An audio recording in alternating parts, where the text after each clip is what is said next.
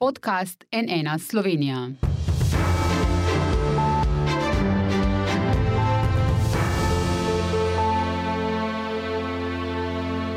Dobr dan. To je prvi povolilni NN studio. Slovenija je odločila.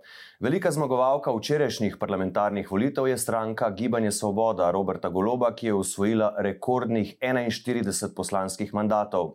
Doslej vladajoča SDS Jana Zajanša jih je zbrala 27 in se očitno ponovno seli v opozicijo.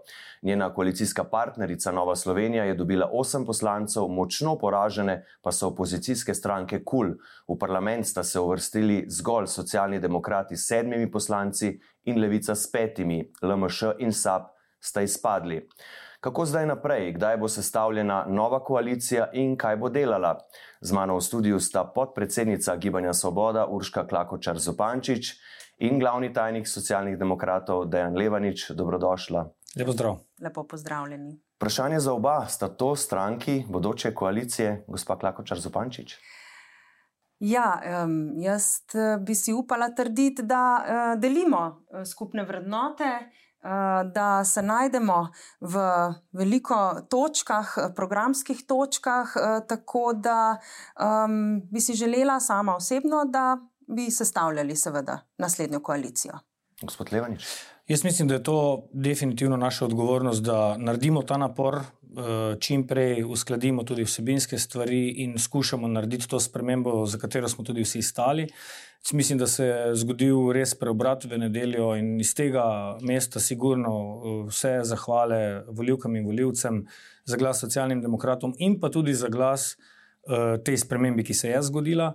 Um, tudi zaradi visoke udeležbe, mislim, da so ljudje tokrat res pokazali, da si želijo drugačne politike, in se mi zdi, da je na naš res odgovornost, da pridemo do uh, nove vlade, ki bo v bistvu uh, naredila to in poslala trenutno vlado v opozicijo. Mogoče, če lahko še jaz se tudi uh, zahvalim na tem mestu vsem državljankam in državljanom, ki so šli na volitve, ki so dali svoj glas, ki so uveljavili svojo ustavno pravico. Um, prepričana sem, da je bil včerajšnji dan praznik demokracije, kajti volitve so uh, najboljši pokazatelj, uh, kako deluje demokratična država. Ja, glede udeležbe bi dodal ne 70 odstotna recimo v primerjavi s prejšnjimi volitvami 52,6 je bila takrat, to je res velik skok naprej in jasen signal voljivcev. Gospod Levanič, ampak vi z rezultatom zagotovo ne morete biti zadovoljni, sinoči ste bili socialni demokrati v Cankarevem domu videti kar slabe volje.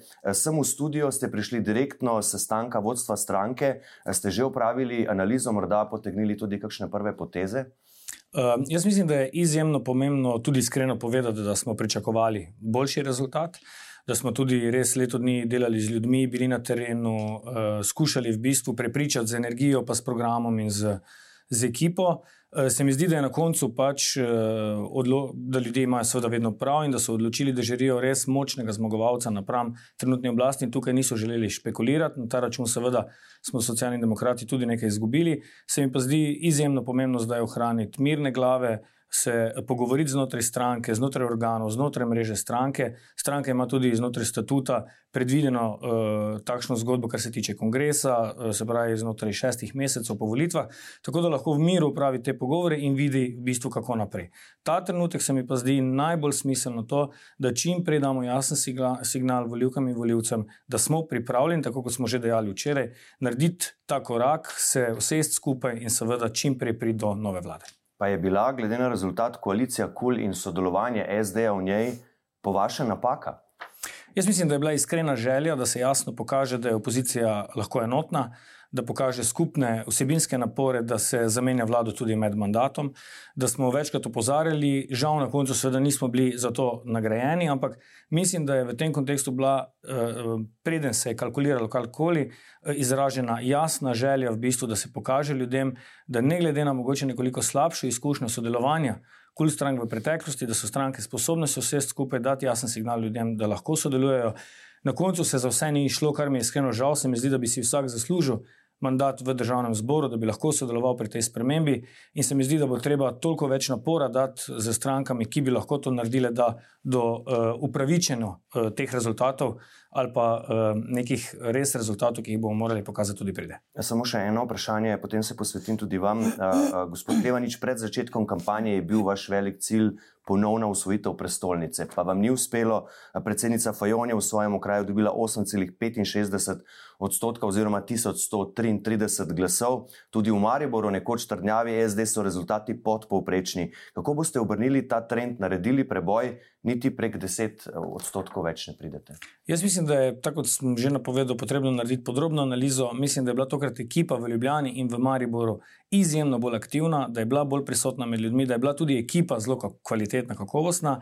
Imamo tudi veliko konkurenco v velikih mestih, ne, tako z novo nastalo stranko, kot tudi za stranko Levica. Tako da bo treba pač še delati naprej za to, da si bomo v bistvu izborili ponovno primat v urbanih središčih. Gospa Klakočar Zopančič, prej smo slišali vodjo poslanske skupine Levice, Mateja Tašnarja Vatovca, mimo grede, tudi Levica je bila povabljena danes v ta studio, ampak me je očitno notranjo dinamiko za zdaj še tako intenzivno, da eh, niso prišli. In eh, Tašnar Vatovec je povedal, da je vodstvo stranke z Luko Mesecem na čelu ponudilo odstop.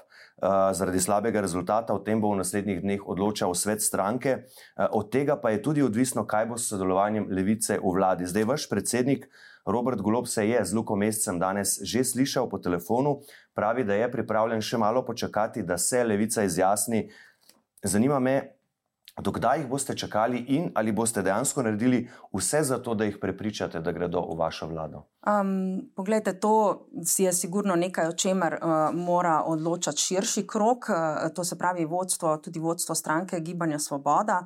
Um, mi si vsekakor želimo široko uh, podporo, to se pravi, želimo si uh, veliko koalicijo, želimo si, da bi bilo sprejemanje odločitev čim lažje oziroma čim bolj usklajeno. Zagotovo pa smo pripravljeni počakati, da se konsolidirajo, da ugotovijo, kaj je šlo narobe, če je kaj šlo narobe, oziroma če bi želeli karkoli spremeniti pri sebi, ker, kot sem že rekla, za. Stranko SD, enako velja za levico, smo uh, prišli do zaključka, da tudi z njimi uh, delimo nekatera uh, imamo nekatere podobne vrednote, uh, da si tako kot oni, uh, oziroma da si oni, tako kot mi, prizadevajo za spremembe v tej državi in da so pripravljeni tudi popuščati, uh, če je potrebno, ker uh, je stanje v zadnjih dveh letih postalo takšno, da enostavno ni več šlo uh, tako naprej. Uh, to so jasno povedali voljiv, voljivke in voljivci Republike Slovenije, ker, tako kot je rekel kolega, imajo vedno prav. Um, tokrat so se pač odločili za novo stranko. Um, večkrat sem bila vprašana, ali bomo mi doživeli podobno usodo kot uh, mora biti SMC ali pa LMŠ pred nami.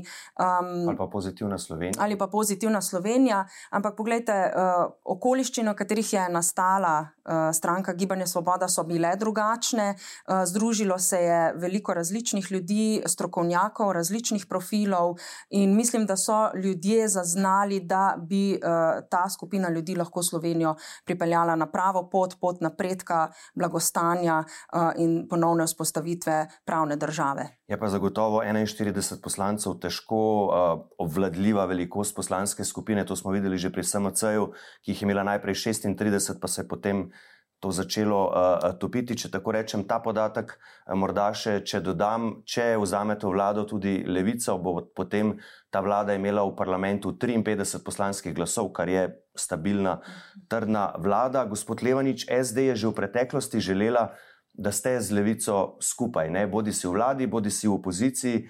Da se, če karikiram, borite na isti strani. Je za SD zelo pomembno, da levica na koncu vendarle vstopi v vlado. Jaz mislim, da bi to bil tudi en resen signal, tudi stranke Levica, recimo, in pa vseh nas, ki smo govorili, da smo pripravljeni prevzeti to odgovornost. Recimo, in ko ne v mestnem času tudi nagovarjaš voljivke in voljivce s tem namenom, da si pripravljen prevzeti odgovornost, se mi zdi, da potem je prav, da to tudi narediš. Uh. -huh. Zdaj, jutri se začnejo že koalicijski pogovori, glede na napoved vašega predsednika. Kaj lahko pričakujemo, kaj bodo prioritete koalicijske pogodbe, gospa Klakočar Zupančič? Um, vsekakor bomo mi uh, izluščili tiste prioritete, na katerih temelijo naše glavne programske točke in sicer to je zdravstvo.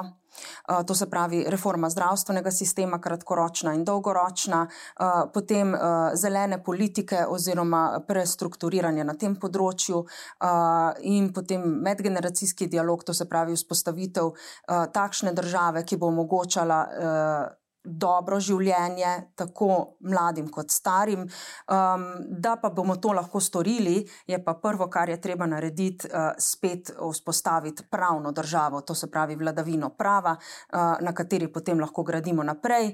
Um, trenutna koalicija bo za seboj pustila ruševine. Uh, trdo delo nas čaka, velika odgovornost je pred nami, tega se zavedamo, uh, in gradili bomo kamen za kamnom zato da bomo zgradili trdno, stabilno, dobro državo. So to tudi prioritete vaše stranke, gospod Levanič, to, kar je omenila gospa Klakočar Zopančič? Dostop do zdravnika, sigurno. Mi imamo v situacijo v zdravstvu, ki ni več v bistvu vzdržna to, da toliko ljudi čaka na osebnega zdravnika ali pa dostop do specialista. Jaz mislim, da to mora biti ključna prioriteta bodoče vlade.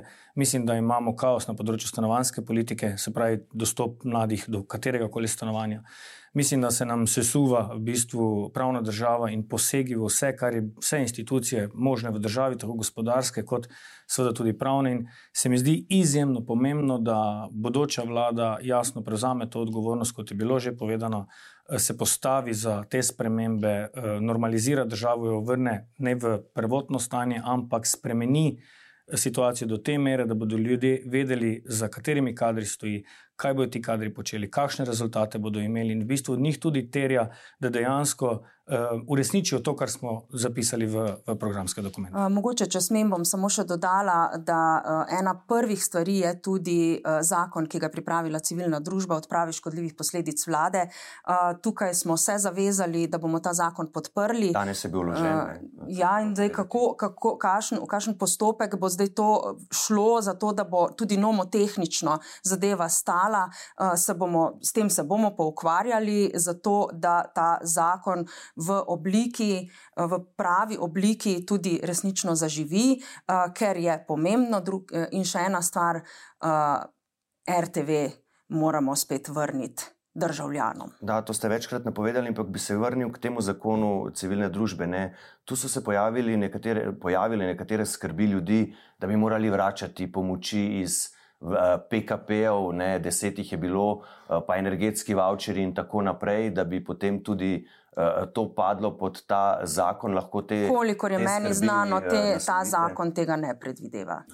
Tako je, ampak pač eh, popravo oziroma preprečitev posegov ki jih je vlada v bistvu silila znotraj PKP in to je treba preprečiti. In toliko, da samo spomnim, ne, državljanke in državljani, predvsem gostinci, pravne osebe, obrtniki, že danes morajo vračati pomoči, ki so bile danes skozi PKP, pa nismo uspeli toliko govoriti o tem tudi skozi volilno kampanjo in imajo danes dejansko velike, velike težave, zato ker so prezadolženi in tega denarja v bistvu nimajo. In tudi ta problem bo treba nasloviti, ker eno je, ko ljudem veliko obljubiš, pa jim v prvem koraku daš, potem pa od njih zahtevaš, da morajo to vračati. In to se danes dogaja in to je tudi eden izmed problemov, ki je že na mizi. Zdaj, uh, vi ste v bistvu uh, glavni tajnik stranke, kar pomeni, da se veliko ali pa največ ukvarjate s kadri. Pa me zanima, glede na to, da je Robert Golob, predsednik Gibanja Svoboda, napovedal, da glede kadrov, ne, za katere ste v opoziciji govorili, da so slabi, da jih je treba zamenjati in tako naprej, da ne bi menjal posamično, ampak da je te stvari treba urediti sistemsko tudi s pomočjo zakona, ki ga je pripravila civilna družba. Pa mi prosim, vi povejte, gospod Levanič, ker imate s tem veliko izkušenja, to sploh mogoče, da ti sistemsko pač nekako počistiš, če uporabim ta grd izraz, kadre prejšnje vlade, s katerimi pač vi niste zadovoljni, menite, da niso strokovni.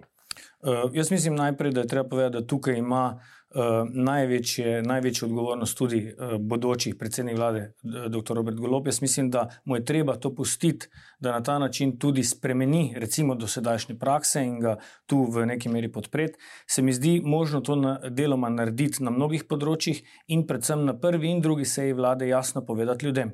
To so spremembe, ki jih koalicija uh, predlaga, se za njimi postavi, prevzame odgovornost in na ta način v bistvu že v prvem koraku spremeni to, kar se je dogajalo v prejšnji vladi. Ko smo ravno pri kadrih, eh, kaj bo z ministrstvi, gospa Klakočar Zupančič, boste kakšno morda združevali, ustanovili kakšno novo?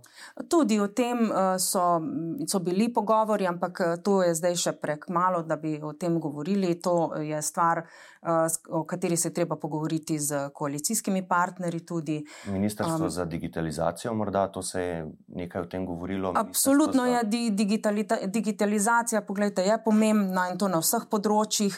Kako se bo pa to razvijalo naprej, uh, pa, uh, v bistvu, to bo pa rezultat koalicijskih pogajanj. Vi boste ministrica za pravosodje? To je tako zelo nehvaležno vprašanje, zato ker um, jaz sem že parkrat povedala, da sem se na to pot podala izključno zaradi želje, da se naredi nekaj, kar je prav ker stvari niso bile več prav v naši državi in uh, so me kot pravnico izjemno motile, uh, kot nekoga, ki spoštuje ustavnost, zakonitost uh, oziroma za katerega je vladavina prava eden temeljnih postulatov uh, današnje družbe, uh, demokratičnih držav. Um, bom pa rekla tako. Prevzem katerega koli resorja je odgovornost, velika odgovornost. Si vi želite te odgovornosti? Jaz bom prevzela odgovornost in vem, da je to delo, da je to trdo delo. Na vsakem ministrstvu so stvari, ki jih je potrebno izboljšati, spremeniti, predrugačiti. In pri tem imate podporo, čeprav razumem tudi predsednika stranke, eh, gospoda Roberta Goloba. Kdo pa so vaši kandidati za ministre sicer? Gospod Golop je napovedal, da bodo znani takoj po volitvah, da se prej niso želeli izpostavljati, da ne bi pač bili deležni kakšnega maščevanja strani oblasti, ki se zdaj postavlja. Veliko se špekulira, seveda v javnosti. Jaz mislim, da je to stvar, ki jo je treba prepustiti našemu predsedniku, da on pove. Uh, uh, edino za. Enega se je zvedelo, ne, uh, ki, ga, ki se je pa sam izpostavil in povedal, in to je bil uh, gospod Loredan. Uh, kot uh, kandidat za ministra za zdravstvo. Tako je, eh, gospod Levanič, bo gospa Fajon zunanja ministrica, boste pri tem ustrajali? Jaz mislim, da je najbolj korektno v tej fazi, da se stranke najprej sedajo, se iskreno pogovorijo, zaključijo ta kadrovski razrez in potem enotno to sporočijo tudi javnosti. Ponavljam vprašanje, si še vedno želi gospa Fajon postati zunanja ministrica? Pričakujete morda tukaj težav, glede na to, da se na tem položaju, včeraj so o tem govorila, vidi tudi druga podpredsednica vaše stranke, Marta Kos? Eh, res hvala za vprašanje, ampak jaz mislim, da bo najbolj korektno tudi do državljank in državljanov in do tistih ljudi, ki bi bili pripravljeni sprejeti te res odgovorne pozicije, da se najprej pogovorimo skupaj, da si zastavimo vsebinska stališča in da potem, ko se skupaj odločimo, kaj in kako. O tem obvestimo tudi javnost. Je pa najbrž jasno, in tako je bilo vedno v preteklosti, da bo šla kot predsednica stranke v vlado. Ampak morate razumeti, da dokler ni dogovora v koaliciji, ne, uh -huh. nima smisla špekulirati ali naprej podati kakršne koli informacije, bi bilo po mojem nekorektno. Eh, bom pa vseeno vprašal, če bo potem na mesto nje v Evropski parlament šel Matjaš Nemec, ne, ki tokrat ni bil izvoljen za poslanca. Uh, to odločitev mora on sprejeti, ampak po vrstnem redu je na vrsti on. Uh -huh. uh, gospa Klakočar Zupančič, kot smo že prej rekli, ne, dve liberalni stranki sta izpadli iz parlamenta, to sta LMŠ in SAP, boste zdaj, ko imate tudi tako široko podporo voljivcev, ti dve stranki združili v liberalni blok. Vaš predsednik pravi, da so kadri teh dveh strank, pa tudi vesne in dobre države, dobrodošli v vaši vladi. Uh, ja, moram potrditi njegove besede. Jaz se seveda strinjam s tem. Um, meni je osebno izjemno žal, da se niste uvrstili v, v parlament. Uh, v bistvu smo včeraj čakali do konca in upali. Um, in um, ja, ti dve stranki imata nekaj zelo kompetentnih kadrov, uh, in absolutno so jim vrata pri nas odprta. Tudi kot da zasedajo določene funkcije v vladi, tako sem tudi sinoči razumel vašega predsednika. Poglejte, pustimo, tako kot je rekel kolega, uh, čas, uh, da se začnejo koalicijska pogajanja, da se uh, začnemo o tem, potem o kadrih uh, pogovarjati resno znotraj koalicijskih partneric. Ja, ta se začnejo jutri, še posebej intenzivno, pa potem po prvomajskih praznikih, uh, kolikor vem. Ampak to me še zanima, boste v vlado vzeli tudi predstavniki civilne družbe, ne? ker tudi to je uh, gospod Golop veliko omenjal, da, bodo, da bo nekako sklenjena koalicija tudi civilno družbo, pa me zanima, na kakšen način bodo tudi njim ponujene funkcije. Veste, uh, zdaj, na, na kakšen način je seveda spet preuranjeno govoriti, zadeve morajo biti jasne, transparentne, tudi pravno morajo zdržati. Um, absolutno pa si želimo sodelovanja s civilno družbo, te, to smo poudarjali celotno volilno kampanjo, ker je civilna družba hrbtenica v bistvu uh, te naše države, oziroma uh, nevladne organizacije, so bile pravzaprav uh, tiste, ki so začele prve opozarjati na nepravilnosti, ki so se angažirale, uh, ki so spodbujale tudi voljivce, da naj grejo voliti, uh, ki so sestavljale uh, določene, uh, ki, ki so v bistvu oblikovale zakon, o katerem smo malo prej govorili, uh, to se pravi zakon o odpravi škodljivih posledic te vlade. Tako da uh, civilna družba je absolutno. Um, spoštovanja vredna in uh, jo je treba poslušati uh, in v bistvu biti z njo vedno v spoštljivih prijateljskih odnosih. Kakšno vlogo vidite vi, kar se tiče civilne družbe v vladi, jih vidite morda na kakšnih funkcijah celo? Jaz mislim, da civilna družba mora oddelati to, kar najbolje zna, se organizirati in opozarjati oblast na napačne poteze. Jaz mislim, da je naredila to v zadnjih dveh letih izvrstno. Da se je organizirala na izjemno množičen, uh, množično število, da imajo jasne zahteve, da vedo, kaj hočejo, da so tudi vsebinsko zelo dobro pripravljeni. In mislim, da mora vsaka vlada, bodoča vlada, imeti uh, jasen predznak, da bo s civilno družbo nujno sodelovati, da jih bo treba poslušati, predvsem na vsebinah, ki mogoče so bile danes spregledane, zato ker ljudje, ki funkcionirajo v civilni družbi, veliko več časa uporabijo vsakodnevno z različnimi skupinami in ljudmi, vedo bolj konkretno, kaj uh, tare ljudi in so pripravljeni tudi se maksimalno angažirati, da jim pri tem seveda tudi pomagajo.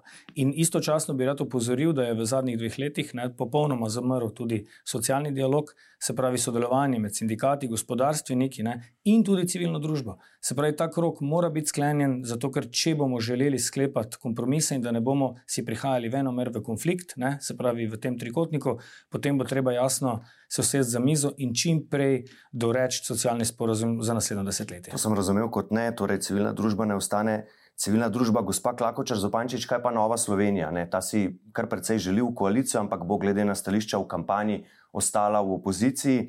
Zanima pa me, boste z njimi sklenili morda kakšen sporazum o projektnem sodelovanju, na katerih projektih, na kakšnih reformah morda recimo sprememba volilnega sistema, ki zahteva ustavno večino 60 glasov in v preteklosti je vedno kakšen glas zmanjkal, tokrat pa glede na razmerje moči. Se zdi ukinitev okrajev nekako verjetno, če seveda to. Vedno je treba delati v korist ljudi, In če je v korist ljudi, neka, da se sprejme nek določen zakon, ki potrebuje, ali pa da se spremenja ustava, ali kakorkoli, kjer potrebujemo ustavno večino, uh, takrat je mo mogoče tudi razmišljati o, o kakšnem kompromisu, uh, ampak načeloma pa v koalicijo z strankami, ki so vladale te dve leti in ustvarile razdor, sejale sovraštvo, um, pa naj si gre za glavno stranko, ki je, ki je to počela, ali pa za njene satelite, uh, ne vi, ne, enostavno ne vidimo možnosti sodelovanja uh, nekega tesnejšega s takimi strankami. Ne, to je tudi uh, bila ena od stvari, ki smo jo jasno povedali svojim voljivcem in da, ne vemo, bomo jih razočarali. O projektnem sodelovanju. O projektnem sodelovanju, odvisno, kakšni projekti se bodo odpirali. Uh mhm. -huh. ne, zdaj, seveda, treba je biti pameten, treba je delati v, v korist ljudstva, to, kar si ljudje želijo, to, kar je ne, v korist ljudi, in tam bomo pristopili tako, da bo za ljudi najboljše. Gospod Levanič, kje vi vidite tu morda kakšne možnosti projektnega sodelovanja, morda kakšnega sporazuma z Novo Slovenijo, ki je v svojih nastopih vendarle precej bolj zmerna eh, in ste že tudi v preteklosti našli kakšen skupen pogled, tudi uskladili ste koalicijsko pogodbo. Spomnimo se v času, ko je Marjan Šarec sestavljal vlado, pa so se potem poslovili in ste vzeli levico kot zunanje, zunanjo partnerico, če tako rečem. Vi vidite tu morda kakšne možnosti sodelovanja z Novo Slovenijo? Jaz uh, bom konkretno jim povedal, da uh, si bistveno bolj želim, oziroma da si želim, da uh, koalicija, ki bo vodila naslednjo vlado, ni sestavljena ta trenutek iz. Uh, strank prejšnje koalicije, ker smo pač jasno dali zavezo, da si želimo razmeti in pokazati, da se da drugače. Kot drugo, absolutno si želim, da poskusimo vsi skupaj v parlamentu ponovno za spremembo volilnega sistema. Takrat potrebujemo to večino in mislim, da so se določene stranke k temu tudi zavezale in da to je lahko že danes skupna točka, recimo, kjer lahko ponovno to poskusimo. Kot drugo, pred nami bo sigurno na mizi sprememba fiskalnega pravila, glede na to, da prihajamo v težke čase, takrat, ko bo treba v bistvu jasno razmisliti, kako bomo imeli to zapisano v ustavi in tudi to lahko spremenjamo zgolj ob spremembi, recimo, ustavi. In v tem konkret, takšnih konkretnih primerih bo pač, po mojem mnenju, potrebno priti v državni zbor, jasno povedati, kakšna je situacija. In pač pritegniti uh, stranke k politični podpori takšnemu predlogu. Potem se bo pa jasno videlo v parlamentu, kdo je za to, kdo ni za to, in pač temu primerno se jasno pokaže slika državljankam in državljanom. Se mi pa zdi, da se ti projekti in še kakšen, verjetno, um, brez problema speljejo, brez kakršnih sporazumov, so nepotrebni v kontekstu, če ima nekdo iskren namen, da pride do določenih sprememb. Mm, torej, če prav razumem, ne vidite potrebe za kakšnim posebnim sporazumom o sodelovanju. Eh, strankami opozicije. Dobro, za začetek, eh, po naporni volilni noči, naj bo to dovolj. Eh, najlepša hvala, spoštovana gosta, gospa Klakočar Zopančič, gospod Levanič da sta prišla po napornem večeru v studio NN. Hvala tudi vam. In seveda uspešno delo. Hvala pa tudi vam za vašo pozornost. Kot rečeno, izbrali ste, zdaj je na tistih, ki so izbrani, da upravičijo ta pričakovanja in veliko odgovornost. Bodite z nami, če vas zanimajo rezultati, imena, kdo je bil izvoljen, kdo ni bil, vse zanimivosti včerajšnjih parlamentarnih volitev, vse to najdete na nnainfo.si. Iz studija pa le še lepo zdrav in nasvidenje.